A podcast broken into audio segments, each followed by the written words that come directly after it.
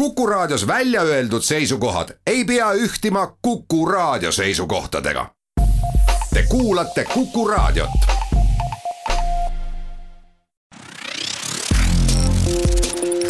fookuses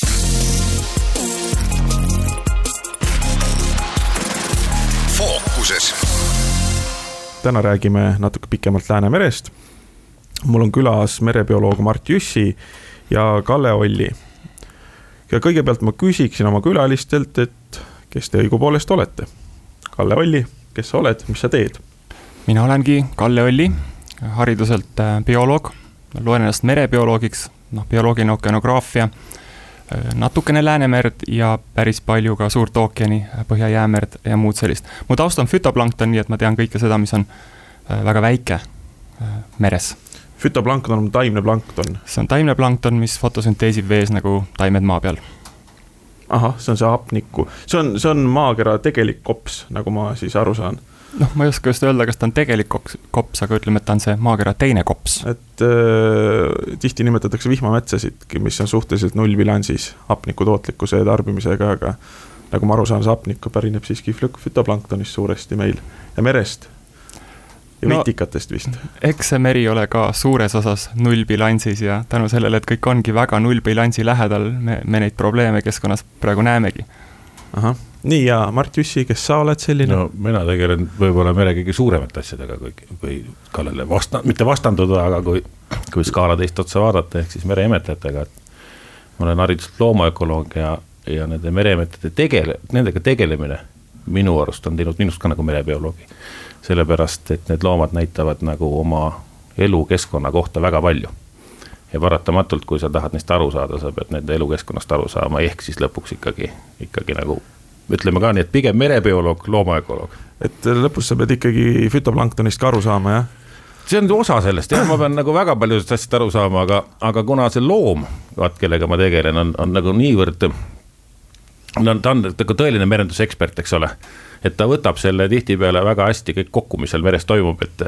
et ma igat eraldi etappi võib-olla ise avastama ei peaks, aga ma, ma pean arvestama, et näiteks fütoplanktoni olemasolul või mitteolemasolul võib olla selge tulemuse tagajärg ka seal osas, mida mina näen ja aga kuidas sa seda kokkuvõtet vaatad, kas sa prepareerid neid ja uurid keemiliselt ei, või ei, käitumuslikult? ei ikka, ikkagi ökoloogia meetoditega ikkagi tegelikult vaatlused ja mõõtmised ja, ja, ja loomi lõhki ma ei lõika, pole minu eriala, eks ole. aga noh, käitumine näitab üsna palju äh, ära vajaduste kohta ja noh, käitumine selles laias plaanis nagu, et äh, et kus ja millal mida tehakse. noh, et mitte kuidas täpselt tehakse, aga kus ja millal mida, et siis kui nendele küsimustele vastust otsida, siis saab nagu aru, miks mm. -hmm. ma küsiksin Kalle Ollilt nüüd, et äh, fütoplankton või kui, kuidas, kuidas selle nii-öelda olukord praegu Läänemeres on, on teda liiga palju, liiga vähe või tuleb vaadata hoopis liigilist kooslust, kuidas seda uurida, et seisundist aru saada? noh, see sõltub natukene meie ootustest meil on, inimestel on teatud, teatud ootused mere suhtes, see peaks olema, eks ole, kristallpuhas, äh, soe, midagi nähtavat ei tohiks seal olla. ja see päris meil Läänemeres, noh, Läänemeres nii ei ole, et, et meil on teada-tuntud suvine probleem, eriti suve teisel poolel, eriti kui on kuumalained, siis tuleb sõna sinivetikas äh, ajakirjades või ajalehtedes kohe esikohanele. ja, ja me ütleme, et jah, seda on liiga palju meie jaoks teisest küljest ta on nagu seda sinivetikat on Läänemeres olnud noh, tuhandeid aastaid. tõsi, kuskil alates kuuekümnendatest on teda tublisti rohkem kui varem ja ilmselt on see inimese, inimese tegu. kui nüüd sinivetikat kõrvale jätta, siis kõiges muus osas on noh, me enam-vähem balansseerime normaalsuse piires, nagu ka maailmavere muud rannikualad seda on. mingis mõttes isegi paremas seisus, noh ookeanirannikul on päris palju toksilisi vetikaid, mida meil on äh, õnneks väga vähe ja, ja noh, see probleemide kamuut jääb meist kõik nagu puutumata. aga kas sinivetikas ei ole toksiline või? ta on toksiline, aga ma ei tea ühtegi juhtumit, kus, äh, kus see oleks nagu inimest, inimest reaalselt äh, ohustanud.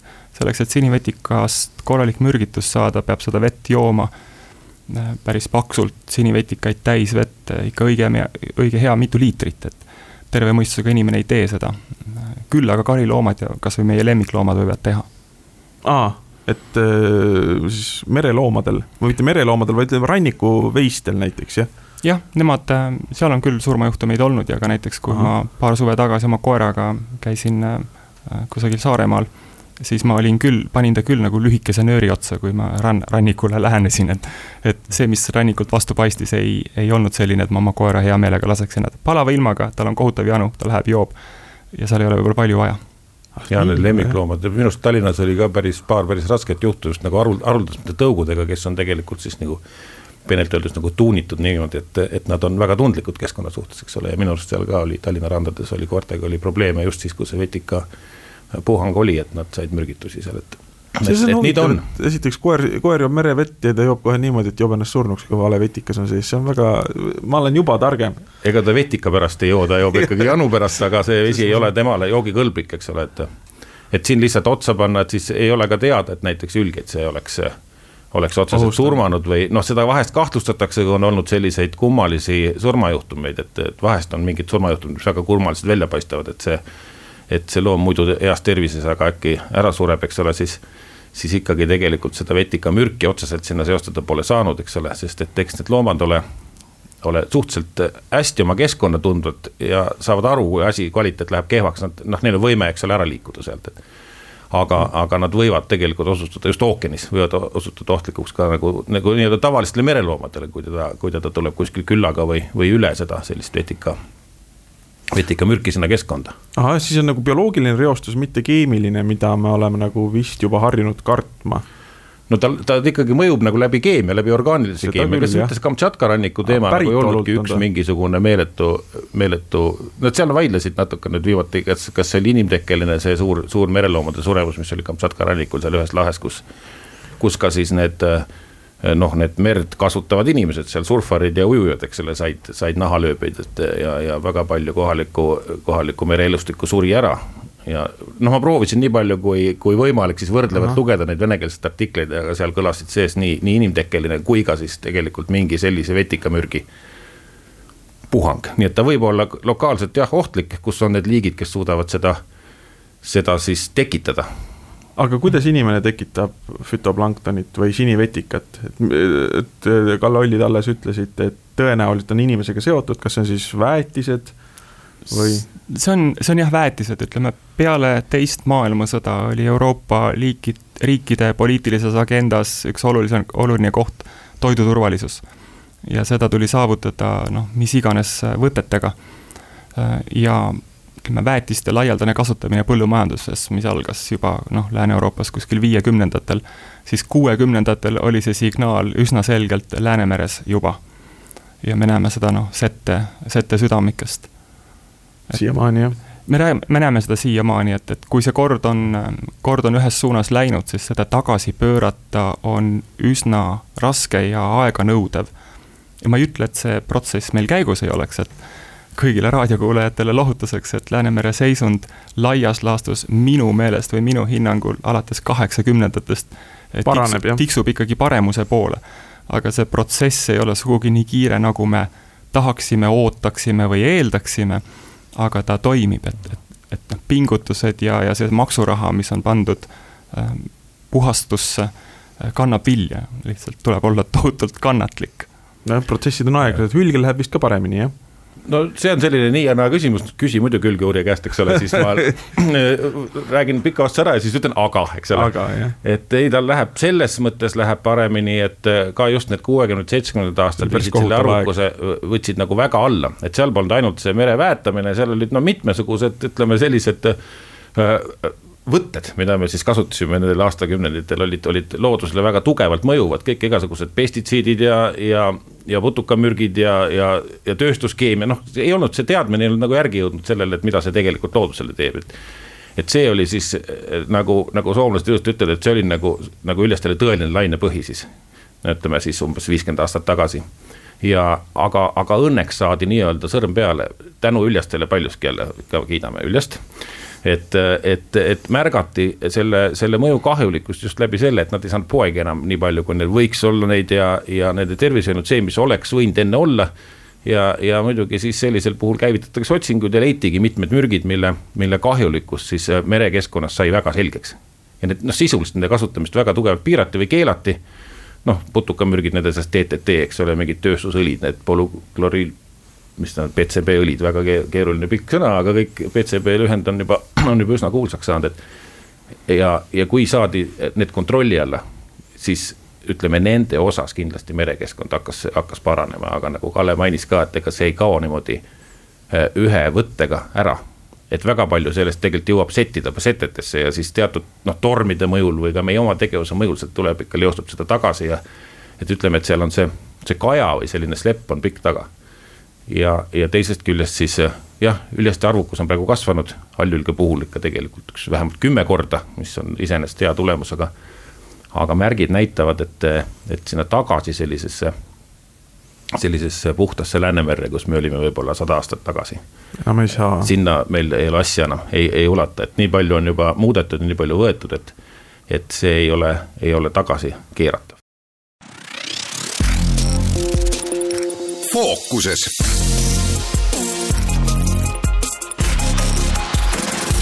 Fookuses.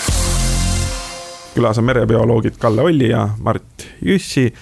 Mart, sul jäi üks näide pooleli no see, et ma olen kolmkümmend aastat niimoodi huvi pärast, hobi pärast, tõelise hobi pärast akvaariumi pidanud kodus ja ta on nagu olnud, on üsna niisugune püsiv väsi mul kodus, seal kalastik on küll vahetunud, kõik on olnud äge, aga ma mäletan sellest akvaariumist täitsa selgelt kahte ökokatastroofi.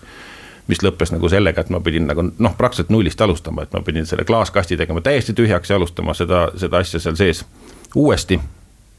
ja see võttis nagu paar nädalat aega.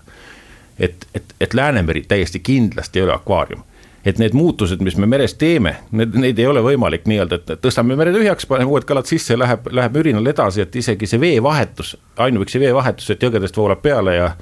ja sealt siis Taane vennast voolab välja, et see minu arust on, ma ei tea, ühe inimpõlve võtab kolmkümmend aastat umbes või et, et, et, et, et, et selles mõttes natukene kummaline on see, et mitte, mitte natuke kummaline, aga natukene noh, natukene jah, selline ärevaks tegev on see, et et isegi kui me täna kõik ära lõpetaksime, mis me halba teeme Läänemerele, eks ole. kolmkümmend aastat on veel juttu. ikka mingisugune, mingisugune ikka hoomamatud pikk aeg läheb selleks, et need protsessid oleks siis sellises. noh, tegelikult nad ei ole kunagi, aga, aga noh, tunduks, et nad oleks tagasi looduslikud, eks ole, et, et, et siin me oleme täna, et me näeme, et me oleme suutnud põhimõtteliselt üks poole sajandiga ühe mere korralikult ära muuta ja tihtipeale me isegi ei tea, kuidas seda tagasi teha saaks. see muutmine on sihuke suhteliselt eufemistlik, nagu ma aru saan. ma tean, et tursk on väikseks läinud ja või, või, või, või, või no kala küsimus on kindlasti see, mis inimesi huvitab, eks ju, et kas võime kala süüa ja kaua, palju jätkub, palju jätkub meil kala? fütoplankton on vist kalade toit, ma tean, et kui Karl Ernst von Päär uuris Peipsi kalavarusid omal ajal, siis ta ütles, et Äh, tuleb rohkem toitaineid anda peale Peipsile ja siis kalad hakkavad vohama, sest nad söövad oma, oma toitu ja. jah, see võis, see võis Pääri ajal võib-olla peaaegu, peaaegu et nii olla, et tänapäeval me päris, päris selles suunas enam ei, ei mõtle. no enamik kalu ei söö fütoplanktonit otse, vaid nad saavad seda läbi toiduahelaga, seal on siis sooplankton, midagi, midagi on, midagi on vahet, et fütoplankton kipub liiga väiksem olema, aga, liiga väike olema, aga, aga jah, ta nagu selle toiduahela alus, et, et kui see on kitsas, ega siis ülevalt ka midagi, midagi väga palju ei tule. no hea, hea küll, me teame ju, et fütoplanktonit on Läänemeres päris palju. kas meil on ka väga palju kala? noh, ilmselt kalauurijad ütlevad, et ei ole, et, et noh, tursaga. Ta ühest küljest välja püütud ja noh, ütleme ka tursaga on natukene, natukene halvasti selle soolsuse tõttu seal Läänemere lõunaosas. et kui soolsust on vähe, veetihedus läheb äh, madalaks, tursamari vajub väga sügavale ja väga sügaval tavaliselt ei ole hapnikku Läänemeres ja ongi, ja ongi kutu. Äh, noh, järjest ja järjest põlvkondadega, et see on Aa. nagu see see on selline nagu see liht, lihtsalt selgitatud. ja vot need ongi kahjuks väga lihtsad mehhanismid, nagu praegu noh, niimoodi selgub meil siis stuudios, eks ole, aga, aga nad on, nad on nagu meil ütles kunagi üks äh, biokeemia dotsent Siimis, ütles, nad on häbematult keerulised tegelikult ja, ja seal ongi see raskus selles, et me tahame teha sellest, no tõmmata nagu punktide vahele sirgeid jooni, eks ole, et kui on nagu seda näiteks fütoplanktonit palju, siis järelikult on ülgit ka palju, eks ole. no see joon kindlasti ei saa sirge olla, sest sinna jääb vahele noh, need teisi tegijaid ja ja teinekord võib olla see keskkond ise see, mis, mis paneb selle piiri, et, et, et hüljest turska ära tegelikult ei saa süüa kiskja ei saa oma saakle oma lõpuni ära süüa, sest et. muidu ta sureks ise ära, eks ju. nojah, nälg oleks, lõpuks oleks ju nälg majas või enne lõppu. enne lõppu on nälg majas juba. ja, ja tihtipeale mõne ahela lõhkumiseks võib ollagi täiesti piisav näiteks muuta soolsust, temperatuuri, happelisust, midagi sellist, mis mõjub kuskil sellisel, sellisel madalamal troofilisel tasandil kellelegi äh, kahjulikult või kasulikult ja, ja, ja sellest läheb kogu see, see püra, püramiid hakkab kõikuma, eks ole, et, et, et siin on nagu kalaga ka, ma arvan, kalauurijatel on selle kohta noh, omad selged selgitused, aga ongi, ongi minu jaoks on kalaga asjad tihti, tihtipeale nagu keerulisemad kui see, et me. et me näeme kalatoidulisi linde ja näeme kalatoidulisi loomi ja ja, ja näeme kalapüüdvaid inimesi ja siis teeme, paneme need kõik kokku ja teeme sealt mingeid järeldusi, et, et kala on, on häbematult tundlik tegelikult oma elukeskkonna eh, suhtes kohati. ja see ja kusjuures see on nii huvitav fakt, et eks ju kuskil merepõhjas kaob hapnik ära, marjatera vajub põhja, ta ei saa seal hingata ja nii edasi. et see on sihuke lihtne fakt või äh, väga lihtne mehhanism, et ma olen praegu nagu täitsa ahaa ja tõepoolest, eks ju, kui soolsus on vale, marjateral on üks tihedus, vajub valale tasandile, ei elune. aga kas kalad äh, näiteks äh, reoveest tulevate mikrokogustega, mikrokogused rasestumisvastaseid vahendeid, ma olen kuulnud, et kalad kipuvad nii-öelda sugutunnused neil ei arene õiges suunas välja või kalad muutuvad emasteks. kas seda teemat oskate kommenteerida? Ma olen ühel konverentsil kuulnud ühte artiklit päris heas ajakirjas lugenud, kus tõepoolest ühes, ühes Kanada või oli see USA, mingi Põhja, Põhja-Ameerika järves, mis on nagu hästi väikene ja kontrollitav, oli uuritud siis neid östrogeene ehk siis beebipillide mõju mm -hmm. kaladele ja, ja tõepoolest äh, kaladel keeras see äh, sigimise täiesti pea peale, et, et, et sa, sa mäletad õigesti, et emased muutusid isasteks ja vastupidi ja ühesõnaga bioaktiivsed ained, mis ei lagune meil puhastusseadmetes päris nii kiiresti nagu, nagu tavareostus. ja nendest noh, ka ravimijäägid, eks ole, et, et me teame neist üsna vähe ja praegu hakatakse järjest rohkem ja rohkem teadvustama mis mõju neil võib olla mereorganismidele. aga see oli üks markantsemaid näiteid, mis isegi, isegi minul nagu lõug kukkus alla, et ohoo sest ma kujutan ette, et need on tänapäeva DDT-d ja sihukesed asjad, et, et on reostus, mida me ei oska karta. just Mart, see, väga selles mõttes hea näide, mis on, on nagu toodud, et, et just, et kui need puhastusseadmed, mis meil on noh, loodud ikka kümnendite jooksul ja no eelkõige oli ju, alguses oli otstarbeks, eks ole, välja korjata sadevetest, eks vihmaharjud ja jalgrattad ja noh, umbes selline yeah. paksem ollus ja. Ja, ja, ja seda tagasisidet loodusest, et see tegelikult veekeskkonnas see, see muu asi, mis sealt läbi läheb või mingeid muutusi põhjustada, see, see, see jõudis meile nii-öelda teatud, teatud viibega ja nüüd me oleme selles olukorras, et me avastame seda muutust seal, seal teisel pool otsas, et et minu Norra kolleegid, kes Üljaste tervist on just nagu selle keemia, inimese poolt tekitatud keemia osas nagu uurinud mm. -hmm. nad on just leidnud väga palju orgaanilisi ühendeid, mis keskkonnas on, on nagu sekkuva mõjuga. no kes, kes nagu matkivad näiteks mingeid ensüüme, äh, need tekivad puhastusseadmetes. Ah, sest, sest seal on selline noh, selline kokteil, mis, mis toob kokku sellised asjad, mida noh, võib-olla keemialaboris keegi ei söandaks isegi ühte kappi panna, aga nad paraku, kuna see torudest tuleb eri vesi, eri, eri majadest, siis, siis, siis mingisuguse väljundi annab siis annab siis meie püüd midagi puhtamaks teha loodusesse sellise, mis, mis hakkab näiteks matkima looduses mingit hormooni. mis, mis ei ole kaugeltki hormoon ja mis ei ole isegi nagu bioloogilise päritoluga, aga on keemiline ühend, orgaaniline keemiline ühend, mis suudab siis näiteks ära lollitada mingisuguse mingisuguse stressisensori äh, või, või, või vastupidi, mingi sigimissensori ja ja, ja need on need, need on nagu need äh, väga selgelt varjatud ohud merekeskkonnas, mis on tegelikult äh, noh, varjamatult mõjuvad ka inimesele. olge, olgu siis läbi kala või selle, sellise tarbimise, et, et ühest küljest hea, et me teada saame. aga teisest küljest halb, et nad seal, et nad seal ikkagi tegelikult on ja et see, et see ulatus on, on noh, nii, nii mastaapne, et ta näiteks noh, võib muuta, muuta loomade käitumist. fookuses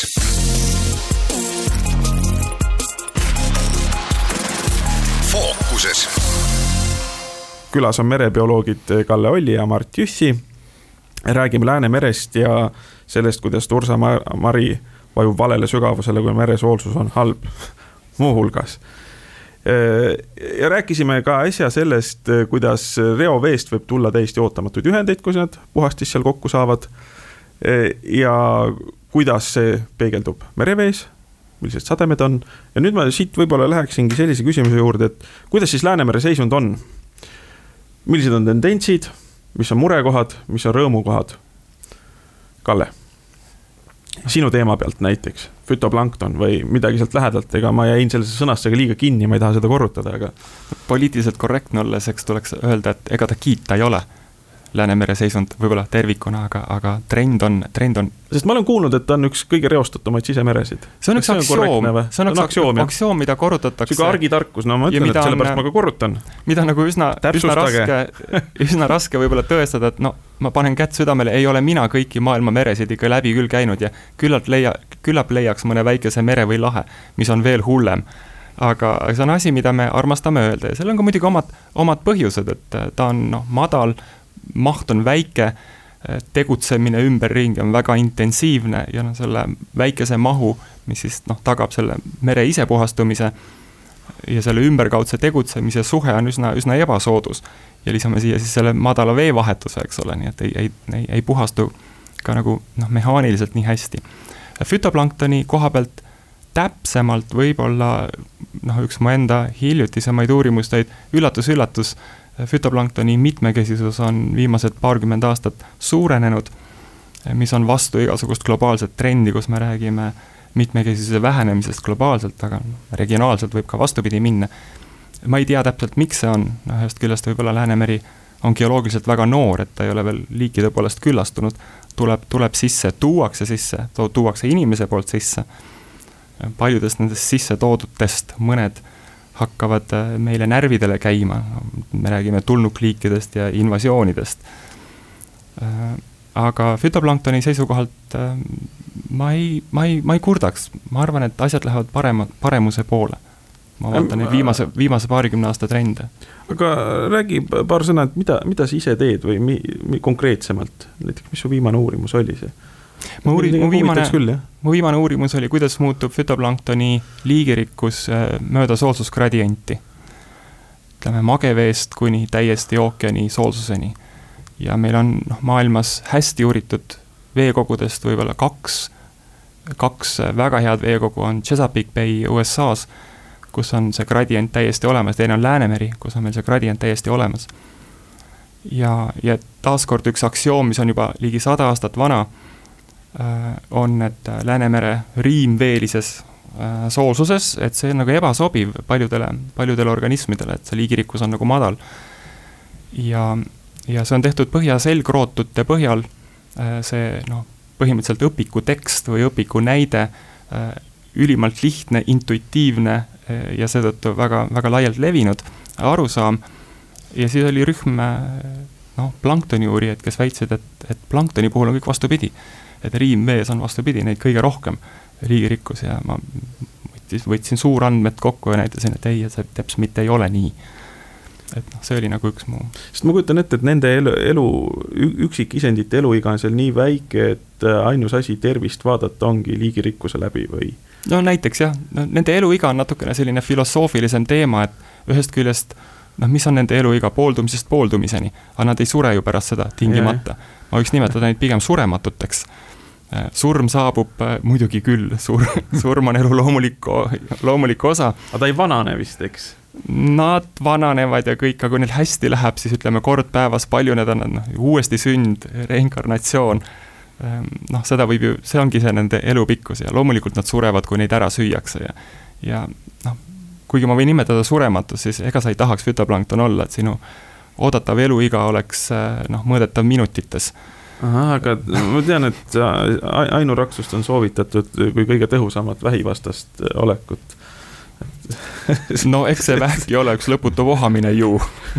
jah, aga vanaks Üljes elab ja kuidas tema aastarõngaid loete? aastarõngaid loemegi tegelikult, mina ei loe, aga loetakse aastarõngaid sellepärast, et kui Üljes elab või ükstapuha, mis loom elab, elab äh, sellises nelja aastaaega keskkonnas või on seal kakski aastaaega vähemalt see on selge, et tal on nagu sel-, kiirema kasvuperiood ja, ja aeglasema kasvuperiood ja, ja kus meil siis on see koht, mis on pärast lõigatav. vot see on nagu oleks hea küsimus praegu, aga ise pean ära vastama, et need on hambad.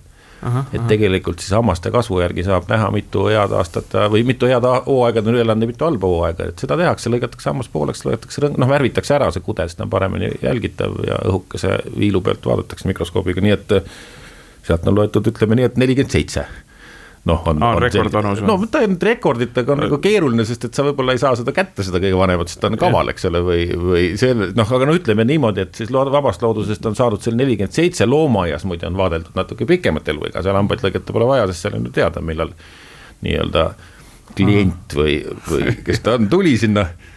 Aga, aga see ongi paratamatu, et loomaaias tihtipeale loomad elavad natuke kauem kui looduses, sest et seal ei ole ju vainlast ja kolm korda päevas antakse süüa. Aga, aga no ütleme niimoodi, et selle ülge pika elu jooksul, vot see on, seal on natuke, kui me räägime nüüd ikkagi mere, merest, mitte loomaaiast mm. -hmm. et seal me oleme natukene nagu jännis sellepärast, et, et nad ongi nii pikaealised.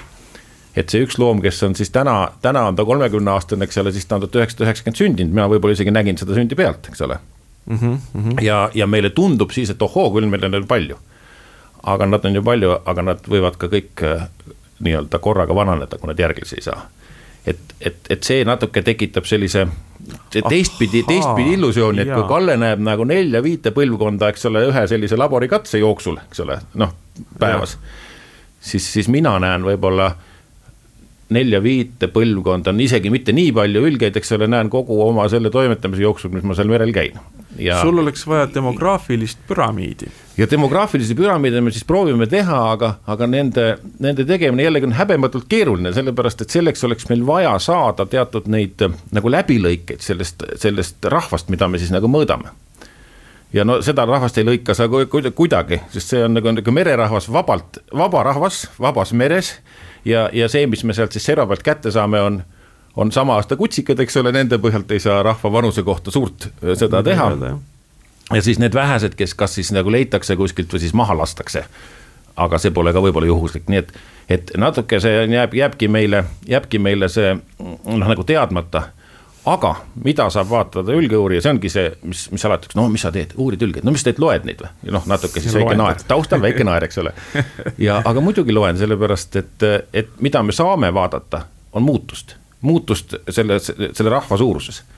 ja kuni, kuni ta kasvab, eks ole, siis me võime mingil määral nõjatuda siia, eks seljatugedele ja, ja pöidlad keerutada, öelda, et no okei. Okay..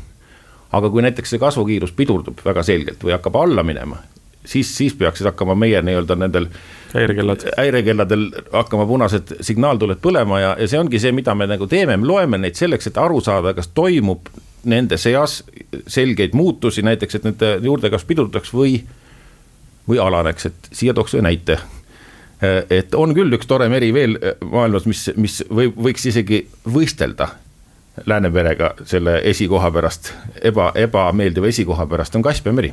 ja ma olen seal käinud ja seal on ka üks ülge, ülge liik, kes seal elab ja seal.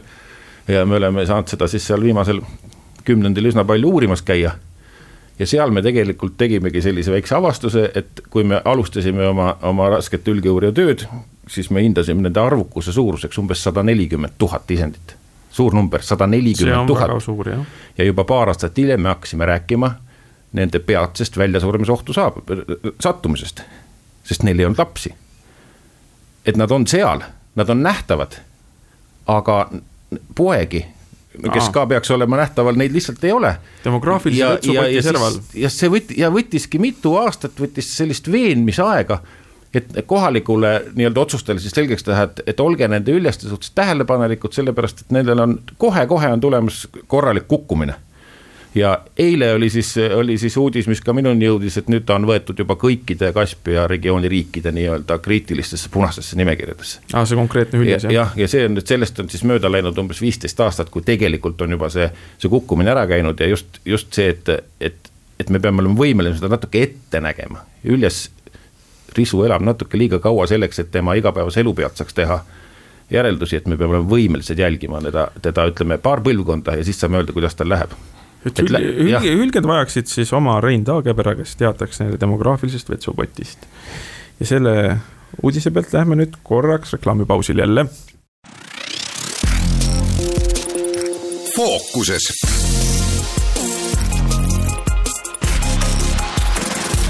fookuses mina olen Mihkel Kunnus ja minuga on stuudios Kalle Olli ja Mart Jüssi ja me oleme merebioloogid.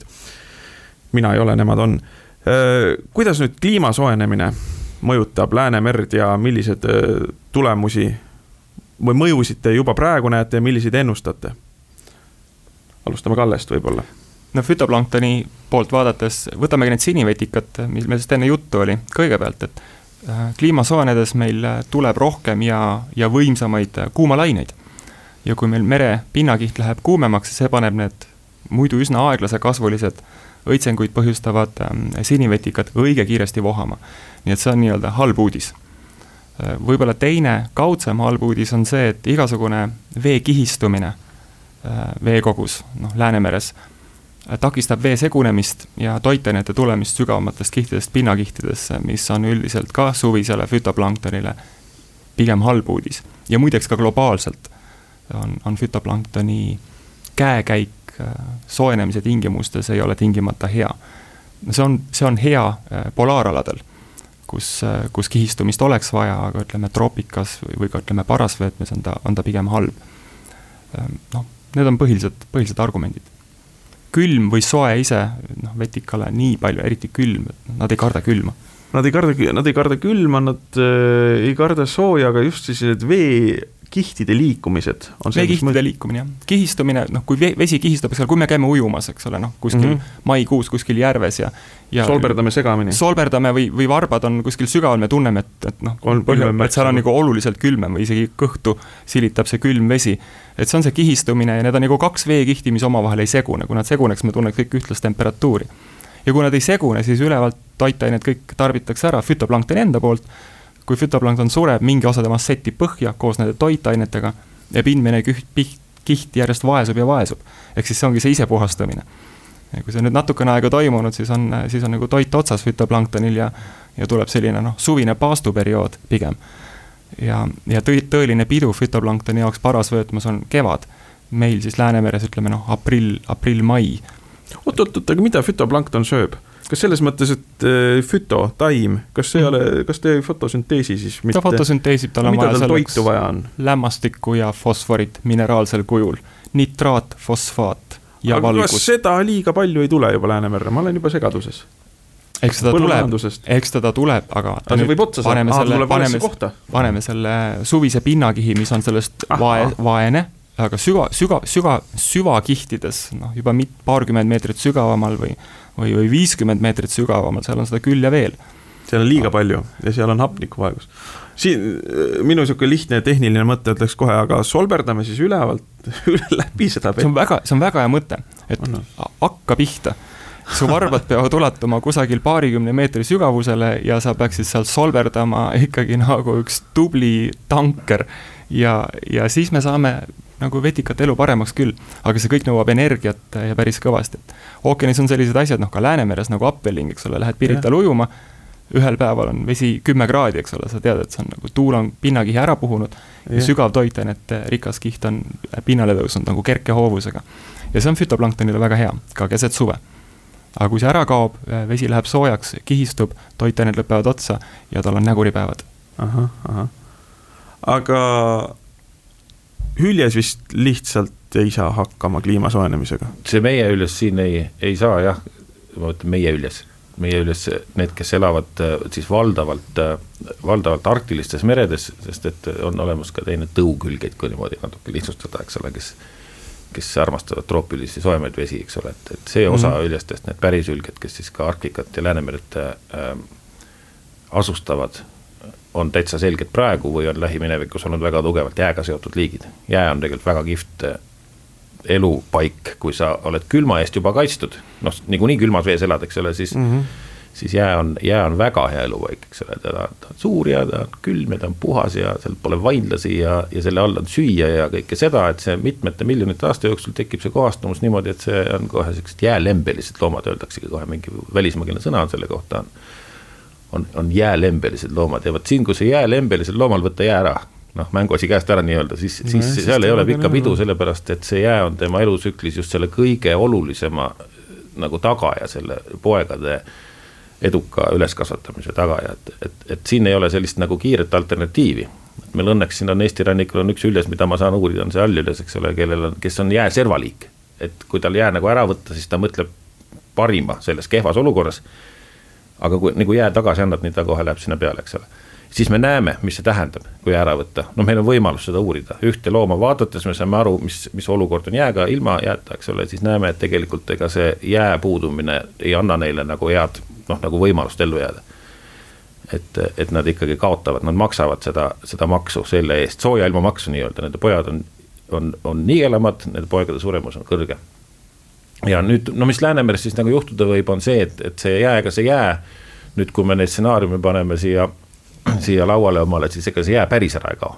et ta jääb ikkagi kehtima, kuskil see jääolukord jääb seal kaugel Botnia lahes, mis noh, meil siit on mingi viissada, kuussada kilomeetrit eemal. siis nad migreeruvad siia. vot ei tea, vot ei tea, sellepärast et aga, aga seal olevatel üljestel, kes täna Botnias on, ütleme noh, olud jäävad, jäävad, jäävad kehtima, jää jääb kehtima, nad saavad seal hakkama, eks ole.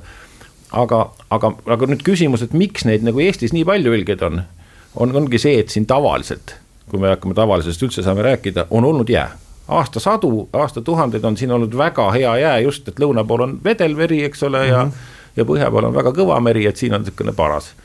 ja, ja, ja nüüd ongi see selline, ütleme, suur küsimus, millele ma proovin ka vastust leida, on nagu see, et kui jää ära võtta, kas nad lähevad minema?